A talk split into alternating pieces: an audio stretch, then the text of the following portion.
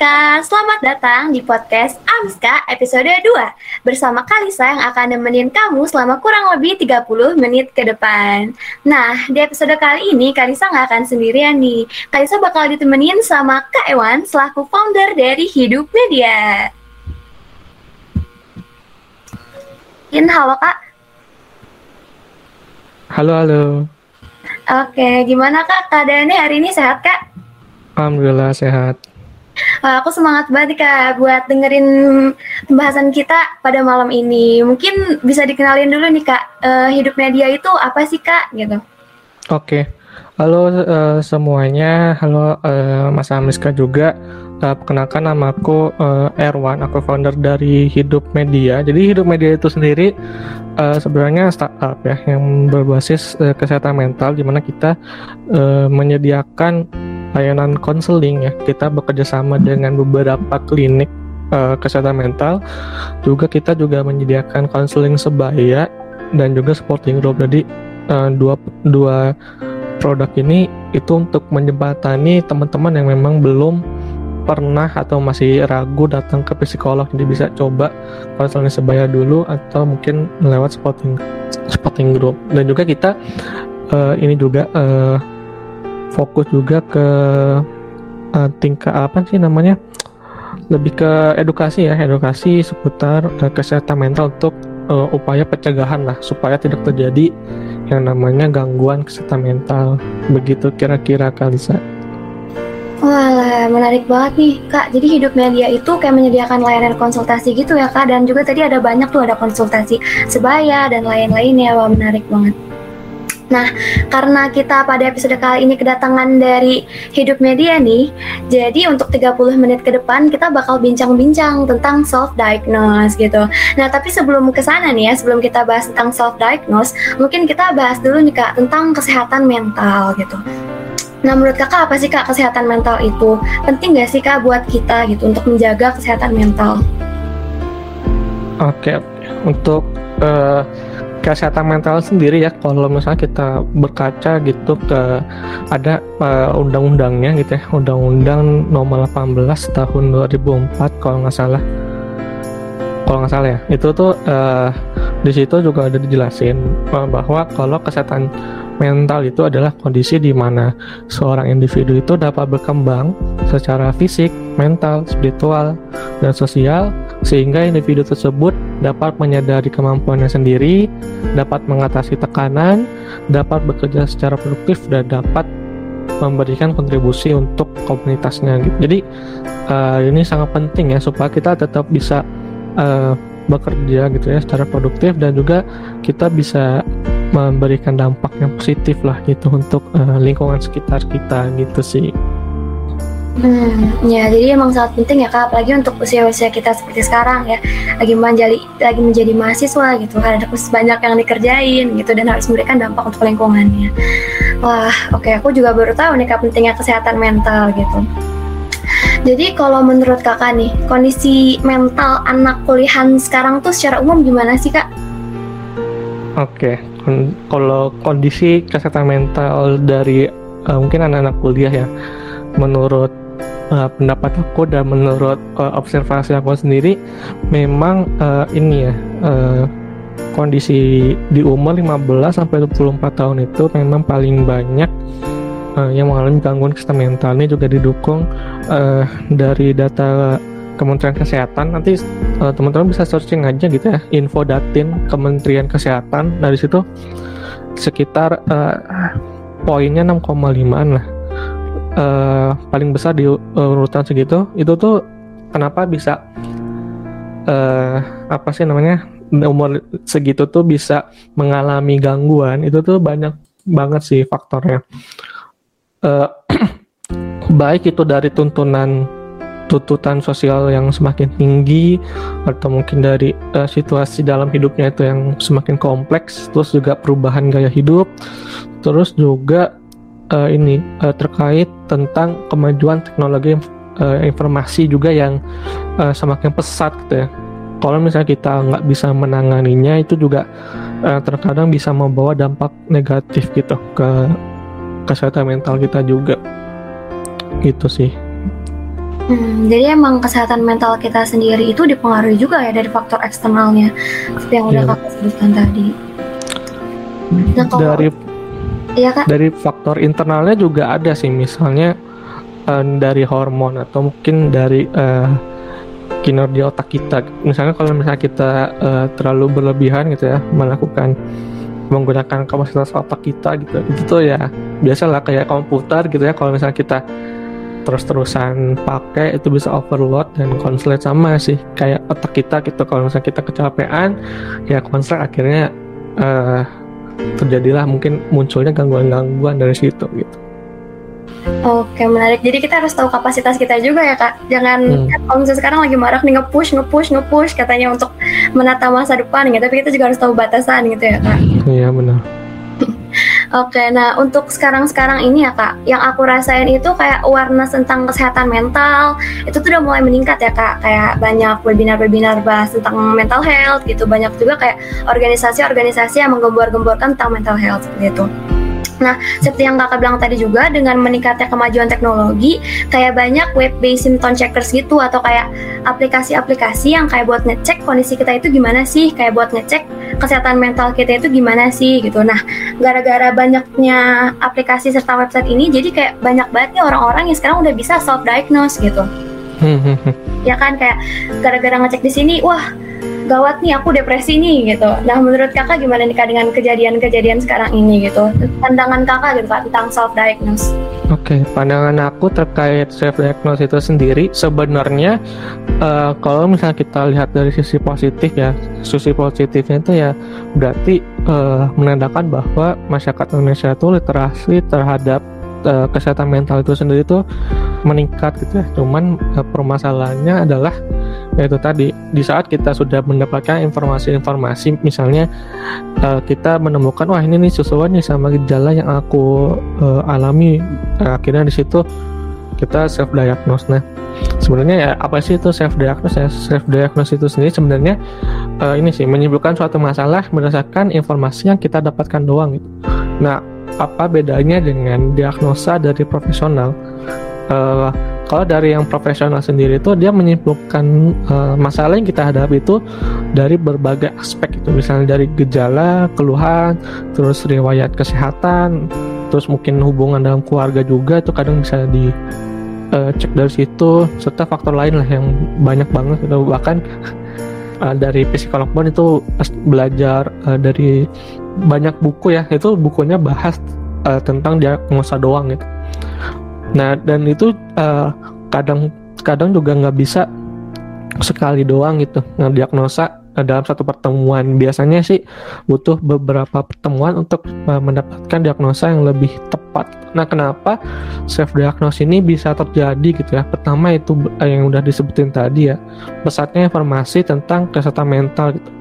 Banyak banget yang memang uh, bermunculan seperti hidup media juga gitu banyak banget uh, yang memberikan informasi tentang kesehatan mental. Dari dari hidup media sendiri pun sebenarnya eh, agak membatasi juga informasinya, terutama informasi seputar gangguan secara klinis gitu. Karena apa? Karena ya itu tadi ditakutkan eh, si yang membaca, yang membaca artikel kita itu takutnya ya self diagnose gitu karena yang merasa wah gejalanya sama. Ya udah berarti wah gua bipolar nih wah gua depresi nih kayak gitu. Padahal belum tentu mereka mengalami depresi bisa aja mere- mereka mengalami ya sedih biasa gitu. Atau eh, bipolar dialami mungkin aja itu hanya mood swing yang biasa aja gitu. Nah eh, itu apa pertama. Kedua biasanya ini sih eh, kurangnya eh, biaya untuk konseling biasanya ke psikolog karena ada keterbatasan itu mereka lebih eh, memilih untuk uh, self healing sendiri dan ya da- dari hasil diagnosanya sendiri lewat artikel-artikel yang ada di internet kayak gitu. Terus yang kedua ya uh, berhubungan dengan uh, yang kedua tadi ya yang kurangnya biaya untuk datang ke konseling biasanya uh, mereka juga masih ragu atau takut gitu datang ke psikolog atau psikiater yang kita tahu ya walaupun memang uh, daya literasi ya itu eh, tentang kesehatan mental tuh masih sekarang tuh dibilang tinggi ya untuk uh, anak-anak seumuran kita. Cuman masalahnya ya mereka masih menganggap datang ke psikolog atau psikiater hal yang tabu gitu. Padahal ya sama aja uh, misalnya kita sakit secara fisik ya kita dat datangnya ke dokter dan nah, sama aja kalau misalnya kita mengalami sakit secara uh, mental kita datangnya ke psikolog psikiater gitu. Terus yang terakhir penyebabnya itu biasanya ya masyarakat Indonesia tuh biasanya lebih, suka melebih-lebihkan dan mengecil-ngecilkan sesuatu. Misalkan ini yang aku alami sih. Aku tuh dari tahun 2016 itu kadang kalau sendiri itu suka panik sendiri dan nggak bisa ngontrol diriku sendiri dan hmm. aku menganggap itu hal ini mungkin hal yang biasa dan itu berlangsung selama hampir kurang lebih empat tahun gitu dan akhirnya uh, makin memperparah lah kondisi kesehatan mentalku. Atau yang lain eh, misalkan melebih-lebihkan biasanya ya kita sedih biasa putus misalnya putus dari pacar atau sedih karena uh, eh, IPK-nya nggak sesuai dengan yang kita inginkan. Nah itu tuh ya kita kadang melebih-lebihkan aduh depresi ini segala macam itu sih biasanya penyebab-penyebab dari self diagnose gitu Iya, aku setuju banget sih sama poin-poin yang kakak sebutin tadi.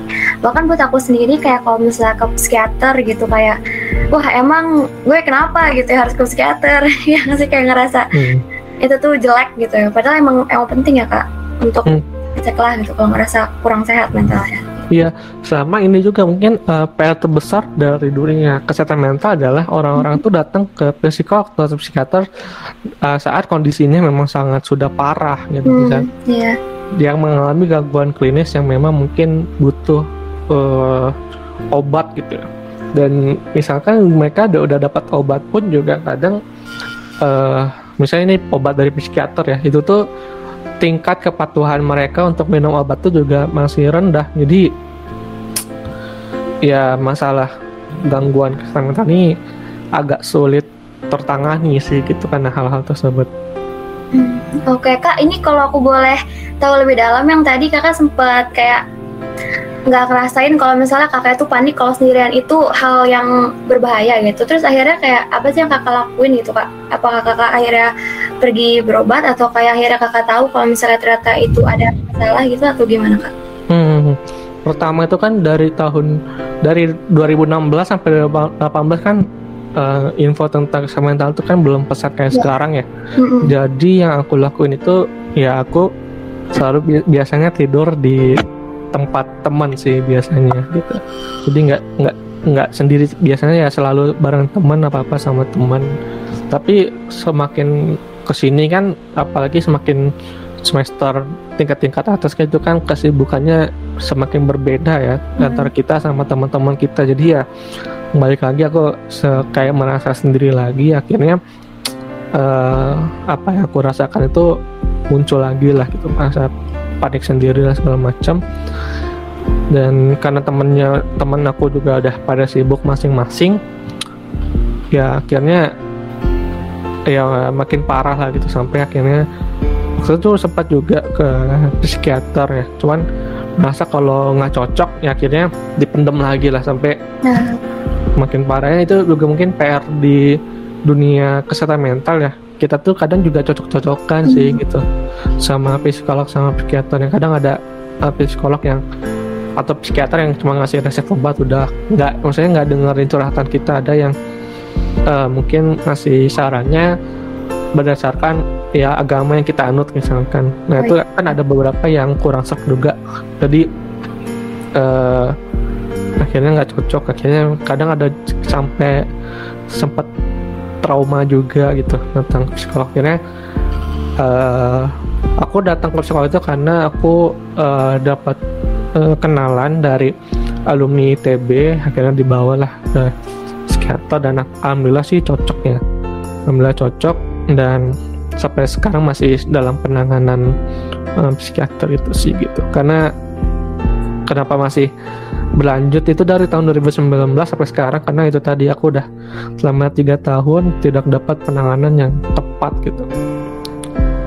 Gitu sih Nice, oh, thank you banget kak buat sharing jadi belajar banyak nih aku jadi emang penting gitu ya kak buat ngertiin diri sendiri kalau misalnya kakak tadi kan udah ada jalan keluarnya ya untuk yang waktu tiga tahun pertama itu hmm. tapi karena emang dipendam terus jadi emang harus ke psikiater lagi gitu ya kak iya benar Nah mungkin karena tadi kita bahas self diagnose gitu kak, hmm. uh, menurut kakak apa sih positifnya self diagnose sama negatifnya self diagnose gitu? Oke, okay. Hmm, positifnya ya tadi positifnya itu tadi ya positifnya menandakan kalau kita uh, literasi tentang kesehatan mental kita itu udah uh, semakin meningkat jadi orang-orang udah makin paham ya uh, terkait tentang kesehatan mental itu sendiri. Cuman uh, dampak negatifnya ada beberapa sih. Ini aku uh, ambil dari beberapa info, terutama uh, da, uh, nanti teman-teman bisa searching aja Dokter Jer uh, itu salah satu psikiater yang cukup top ya di Indonesia. Jadi pertama kita uh, dampak negatifnya itu pertama tidak dapat melihat diri kita tuh secara objektif. Misalnya ya yang itu tadi karena self diagnose mungkin kita kita ngediagnos wah ini gua bipolar nih padahal mungkin ya itu gangguan mood biasa gitu atau mungkin ya karena sedih biasa akhirnya karena kita self diagnose kita beranggapan kalau uh, kita tuh depresi padahal ya sedih biasa tuh hal yang normal kan kalau dia kalau uh, depresi itu hal yang tidak normal gitu. terus kedua sebenarnya uh, hal ini juga dapat uh, menyakiti sih orang-orang yang mengalami gangguan kesehatan mental memang uh, telah didiagnosa gitu oleh profesional. Soalnya kan apa ya? apa yang dialami oleh penyintas itu kan cukup berat gitu bagaimana dia berjuang buat melawan uh, ya ini gangguannya gitu ya. Dan sampai ke profesional itu kadang berat banget gitu loh. Bahkan atau mungkin di harus ditemenin dulu atau bahkan dibantu dulu biayanya sampai dia bisa uh, apa namanya beraktivitas seperti biasa juga. Nah itu kadang kalau dia bilang dengan entengnya itu wah gue bipolar gitu ya orang-orang yang malah bipolar beneran yang udah didiagnosa oleh profesional itu kadang merasa sakit hati aja sih gitu. terus yang ketiga hmm, uh, biasanya yang misalnya kita udah self diagnose misalnya kayak wah gue uh, selama beberapa bulan mengalami anxiety misalnya atau panic attack terus tiba-tiba ya kita uh, sudah udah melakukan self diagnose kita memberikan saran juga gitu ke uh, orang-orang yang mengalami misalnya gangguan yang sama gitu misalnya ya gue dengan mensyukuri hidup gitu akhirnya uh, bisa sembuh nih dari panic attack atau anxiety gitu ya. Padahal ya, mungkin untuk uh, mereda gejala dari panik panik anxiety atau eh, panic attack atau anxiety itu mungkin bisa ya. Cuma untuk menyembuhkan itu belum tentu gitu. Jadi ya itu cukup berbahaya juga ya kadang-kadang ya. Terus sama ini juga kita bisa melewatkan uh, gangguan medis yang serius. Misalkan uh, kita uh, self diagnose kita depresi ya gitu mungkin aja uh, depresi itu disebabkan oleh gangguan medis yang kita alami misalnya uh, misalnya kita mengalami uh, tumor pada otak gitu jadi otak itu yang udah uh, mengalami gangguan akhirnya membuat kita tuh depresi gitu. Atau uh, ini yang aku alami sih uh, karena anak-anak ITB itu sering kurang tidur atau eh, pola makannya terganggu gitu. Jadi eh, kadang tuh eh, bermasalah gitu ya di lambung. Kadang asam lambungnya naik akhirnya itu membuat eh, kadang suka panik sendiri kayak kayak gitu sih. Mungkin eh, dampak buruknya ya kalau hmm. kita melakukan self diagnosis gitu. Iya benar Yes, tapi yang paling bahaya tuh ngasih solusi palsu juga bahaya kak. Kayak hmm temen gue kena ini nih gue gini-gini itu sih malah nyaranin yang solusinya salah gitu. Itu bisa fatal juga ya kak? Hmm, soalnya ini juga aku lihat juga kan di hidup ada supporting group yang ya. Ada memang beberapa yang yang saya diagnosis juga gitu. Ya karena tadi uh, takut ke psikolog atau nggak ada biaya ke psikolog. Padahal sebenarnya uh, gini jadi teman-teman tuh nggak usah takut ke psikolog karena biayanya mahal. Uh, kalau ini aku uh, udah bicara gitu ya sama partner psikolog dari hidup tuh mereka bilang kalau ya kerja sebagai psikolog kita juga mementingkan dari segi sosialnya juga ya daripada materialnya. Karena ya itu tadi ya tanggung jawab sebagai psikolog untuk ya menyembuhkan lah menyembuhkan uh, orang-orang yang mengalami gangguan. Jadi kadang tuh bisa dikurangin atau bahkan bisa gratis juga sih gitu. Sama psikolognya juga. Ah, jadi emang banyak jalan gitu ya banyak uang tuh gitu hmm, psikolognya. benar-benar. Tadi kakak bilang di apa sporting group ada yang mengalami self diagnose gitu kak. Tadi iya iya itu tuh karena itu tadi pas aku tanya uh, emang kakak ngalamin apa uh, ini anxiety. Oh hmm. itu uh, kakak udah ke psikiater psikiater. Terus dibilangnya belum gitu. Kan lah berarti ya mereka self diagnosis nah, bahkan ya memang ini agak sulit dihindari juga ya di grup atau di supporting grup mana pun ini pasti bakal ada juga ya kayak gitu Uh, iya sih, lah tahu dari mana? Ya tahu aja dari internet gitu hmm, ya kan baik. Hmm, gitu. ya karena mungkin wah ini gua banget nih gejalanya nih. Iya iya. Akhirnya ya mereka menyimpulkan lah dari uh, informasi yang dia dapetin doang gitu. Hmm. Nggak konsultasi ke ahlinya gitu ya kak? Hmm, hmm, hmm. kan itu tadi ya karena kita juga uh, ini membesar sering membesar besarkan apa yang terjadi dalam hidup kita gitu. Iya. Karena sedih drama biasa, uh, drama banget gitu lah. Iya. iya. Oke, nah uh, karena tadi kita udah bahas penyebab, dampak positif, negatif dari self diagnose gitu. Mungkin dari kakak sendiri bisa nih kak uh, memberikan usulan solusi gitu. Gimana sih cara kita untuk menghadapi atau menghindari self diagnose itu? Hmm, uh, pertama ya mungkin ini ya kalau untuk yang masalah tes psikologis itu memang uh, kalau menurut partner psikologku itu agak kurang kredibel ya.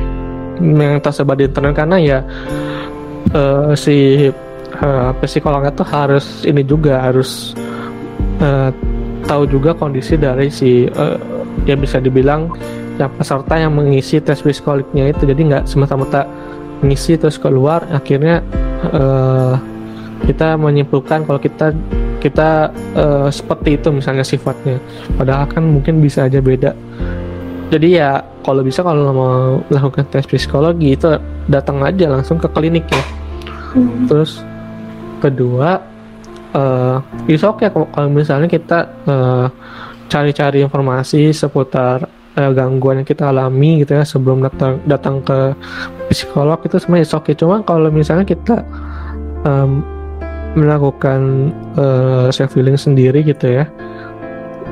Itu biasanya agak susah sih dan biasanya nggak cocok juga. Dan ya solusinya ya datang ke psikolog sih. Kalau aku saranin uh, lebih prefer ke klinik-klinik sih daripada ke rumah sakit gitu. Karena menurutku layanannya lebih oke okay juga dan itu tadi bisa uh, di kurangin lah sesuai sama kemampuan kita bisanya berapa gitu. Terus mungkin aku boleh nambahin juga nggak? Tadi aku agak sedikit kelewatan terkait kondisi uh, anak-anak kuliah sekarang. Gitu boleh banget kak. Boleh banget. Yang aku lihat ya terutama mungkin di anak-anak ITB dan mungkin di kampus-kampus besar lainnya kenapa rentan banget ya mengalami gangguan. Aku sempat nonton juga tuh YouTube dari mahasiswa ITB yang mengalami depresi katanya. Nah itu tuh kalau yang aku alamin dan aku lihat itu cuman dua sih penyebabnya kurang tidur sama uh, itu tadi uh, pola makan yang tidak teratur gitu. Ya kan biasanya kita karena mungkin tugasnya banyak atau biasanya pas dekat-dekat ujian tuh pasti tidurnya berantakan banget sih untuk beberapa orang ya. Banget kak. ya itu dengan mungkin dengan kurangnya tidur itu berpengaruh banget pada emosi kita gitu kita juga eh, nggak uh, bisa konsentrasi terus juga kita tidak bisa mengontrol emosi yang ada di kita sama kita nggak bisa ngontrol si tekanan itu saat kita tekanannya udah banyak gitu ya mungkin dari uh, kurikulumnya itu sendiri terus mungkin dari orang tua dari keluarga yang menuntut kita untuk mungkin secara akademis nilainya itu bagus gitu. Ya akhirnya kita uh, di situ bisa mengalami ya namanya depresi terus mungkin gangguan bipolar sama gangguan kecemasan juga dari situ. Terus sama itu tadi yang pola makan yang nggak teratur karena kita sibuk ngerjain tugas sibuk belajar akhirnya kita lupa makan. Atau karena tadi kurang tidur akhirnya kita nggak sarapan langsung ke kampus. Nah karena nggak sarapan tadi ya itu tadi. Uh, kurangnya asupan energi yang kita dapat setelah kita mengeluarkan energi yang lebih banyak itu. Jadi ya kita ya mengalami uh, kelelahan lah. Kelelahan secara fisik. Nah kelelahan secara fisik ini juga bisa mempengaruhi uh, kesehatan mental kita juga. Gitu. Dan mungkin ini ya uh, kurang minum air putih juga tuh cukup berpengaruh ya kan kita anak-anak sekarang tuh lebih seneng minuman minuman manis ya yang ada di Alfamart atau Indomaret gitu dan yeah. itu iya. juga berpengaruh juga biasanya orang-orang yang sering lebih sering minum ya minuman manis itu uh, lebih sering memicu serangan panik sih mm. Beda, berdasarkan ini ya uh, literasi gitu jadi pentingnya untuk menjaga pola tidur dan pola makan juga. Ya lifestyle juga sangat penting ya kak. Ternyata hmm. itu mempengaruhi juga mental health kita. Iya benar.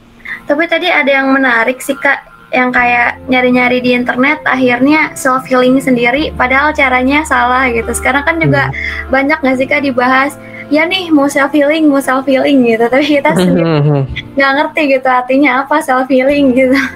Iya ya itu ya. juga aku alamin sih karena aku apa karena orang tua bilang ngapain minum obat? Terus aku pengaruh gitu ya. Akhirnya hmm. sempet stop juga minum obat dalam beberapa waktu. Terus aku hmm. feeling sendiri gitu. Misalnya kayak latihan pernapasan terus uh, butterfly hug misalkan ya untuk uh, gangguan kecemasan.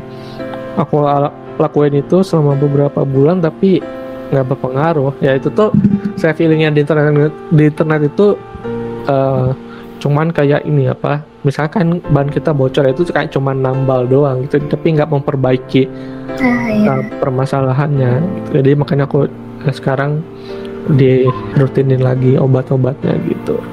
Hmm, berarti masih ya kak sampai sekarang? Hmm, masih. Oke semoga bisa cepat-cepat sembuh itu ya kak. Iya yeah, thank you kak Isa iya. Oke, nah mungkin ini untuk penutup nih kak, nggak kerasa hmm. banget nih kita udah setengah jam gitu bincang-bincangnya sebenarnya masih seru ya kak. Dan ini untuk penutup, mungkin kakak ada pesan nggak nih kak untuk para pendengar gitu, masa Amiska gitu untuk mampu menghadapi atau menghindari self diagnose. Oke, okay. uh, eh, pertama yang perlu dipahami oleh kita semua sebenarnya ya kita datang ke psikolog itu ya sama aja kita datang ke dokter biasa gitu kita check up uh, kesehatan kita karena uh, pengertian sehat sendiri menurut WHO yaitu sehat fisik sama sehat mental gitu. jadi kalau mental kita nggak sehat itu sangat berpengaruh ke fisik biasanya. Atau fisik yang nggak sehat bisa berpengaruh ke uh, kesehatan mental. Jadi jangan ragu untuk uh, datang gitu ke psikolog atau psikiater. Terus uh, it's okay teman-teman menambah uh, literasi. Cuman nanti uh, untuk tes psikologi aku kurang menyarankan ikut yang ada di internet sekarang. Lebih prefer mungkin teman-teman bisa langsung datang ke klinik. Atau mungkin ya kalau misalnya teman-teman uh, merasa mengalami gangguan terus search di internet is okay sebenarnya. Cuman kalau misalnya memang dirasa nggak membaik ya datanglah ke psikolog. Terus mungkin buat uh, teman-teman kita juga yang anak-anak kuliah mungkin uh, lebih coba lebih aware lagi gitu ke uh, teman-teman kita sekitar. Misalnya kalau misalnya ada yang tiba-tiba nggak datang kuliah lagi gitu dalam seminggu atau dua minggu nggak datang kuliah ya cobalah uh, jenguk itu biasanya memang orang-orang yang mengalami gangguan itu lebih ini apa menutup diri gitu. Jadi memang kita yang harus uh, lebih sigap untuk membantu dia. Dalam artian kita uh, cukup mendengarkan aja sih mendengarkan apa yang dialami kalau dirasa memang sudah berat bisa langsung ditemenin gitu ke psikolog gitu sih paling Wah, oke, okay. makasih banget Kak pesannya udah dicatat nih Kak pesan-pesannya. oke, okay, mungkin aku terakhir mau nyimpulin nih Kak dari hasil bincang-bincang kita tadi. Jadi tuh emang karena kemajuan teknologi banyak maraknya atau maraknya website serta organisasi-organisasi dan juga web symptom checkers gitu itu sebenarnya nggak terlalu kredibel ya kak kalau misalnya untuk kita jadikan acuan terhadap kondisi mental kita gitu. Nah yang tadi kak Erwan kasih saran itu sebaiknya kalau misalnya kita emang udah merasa gangguan dan udah coba menjalani solusi dari website-website tapi tidak membaik segeralah uh, ke psikolog atau psikiater gitu ya kak. Mungkin coba dari klinik-klinik dulu nggak usah langsung ke RS kayak gitu. Nah, hmm. untuk yang dari website, untuk yang self diagnose sendiri tuh sebenarnya banyak bring negatif impactnya gitu ya kak. Kayak misalnya memberikan solusi palsu atau mencoba self healing yang sebetulnya nggak sesuai sama apa penyakit kita gitu. Jadi ya kalau misalnya emang udah ngerasa kurang enak gitu atau ngerasa ada masalah gitu, lebih baik langsung aja ke psikolog. Nah, karena untuk sekarang ini aku senang banget sebenarnya. Ada kayak dari hidup media ini jadi kita bisa konsultasi dengan sebaya tadi ya untuk yang belum hmm. psikolog atau psikiater gitu. Mungkin bisa juga dimanfaatkan gitu. Mungkin mau promosi sedikit kah hidup medianya gitu? Oke oke, jadi buat teman-teman mungkin ya yang dengar ini, kalau misalnya bingung gitu mau cari uh, psikolog yang tepat gitu, apalagi mungkin di Bandung, silakan teman-teman bisa hubungin juga di uh, di DM IG kita Hidup Media. Kalau misalnya ada misalnya eh, kendala gitu ya secara biaya misalkan gitu yaitu eh, teman-teman bisa langsung sampaikan aja. Nanti biasanya sih partner psikolog kita juga udah paham kok untuk masalah kayak gitu. Gitu sih Pak. Oke, mantap banget. Makasih Kak Erwan nih langsung foundernya nih yang datang bincang-bincang di episode kali ini. Makasih banyak Kak Erwan atas waktunya udah mau sharing-sharing uh, sama kita teman-teman dari HMK Miska ITB. Um, makasih banyak Kak untuk nyempatin waktunya. Mungkin dari aku sendiri udah Kak cukup segitu aja. Ilmunya bermanfaat banget. Makasih banyak Kak Erwan. Thank you buat uh, Kalisa dan teman-teman dari Amiska ITB yang udah undang aku ke podcast ini ya. Semoga uh, bermanfaat ya yang uh, diskusi kita tadi. Bermanfaat banget kak. Thank you kak. See you Thank next you, time kak. See you, see you guys.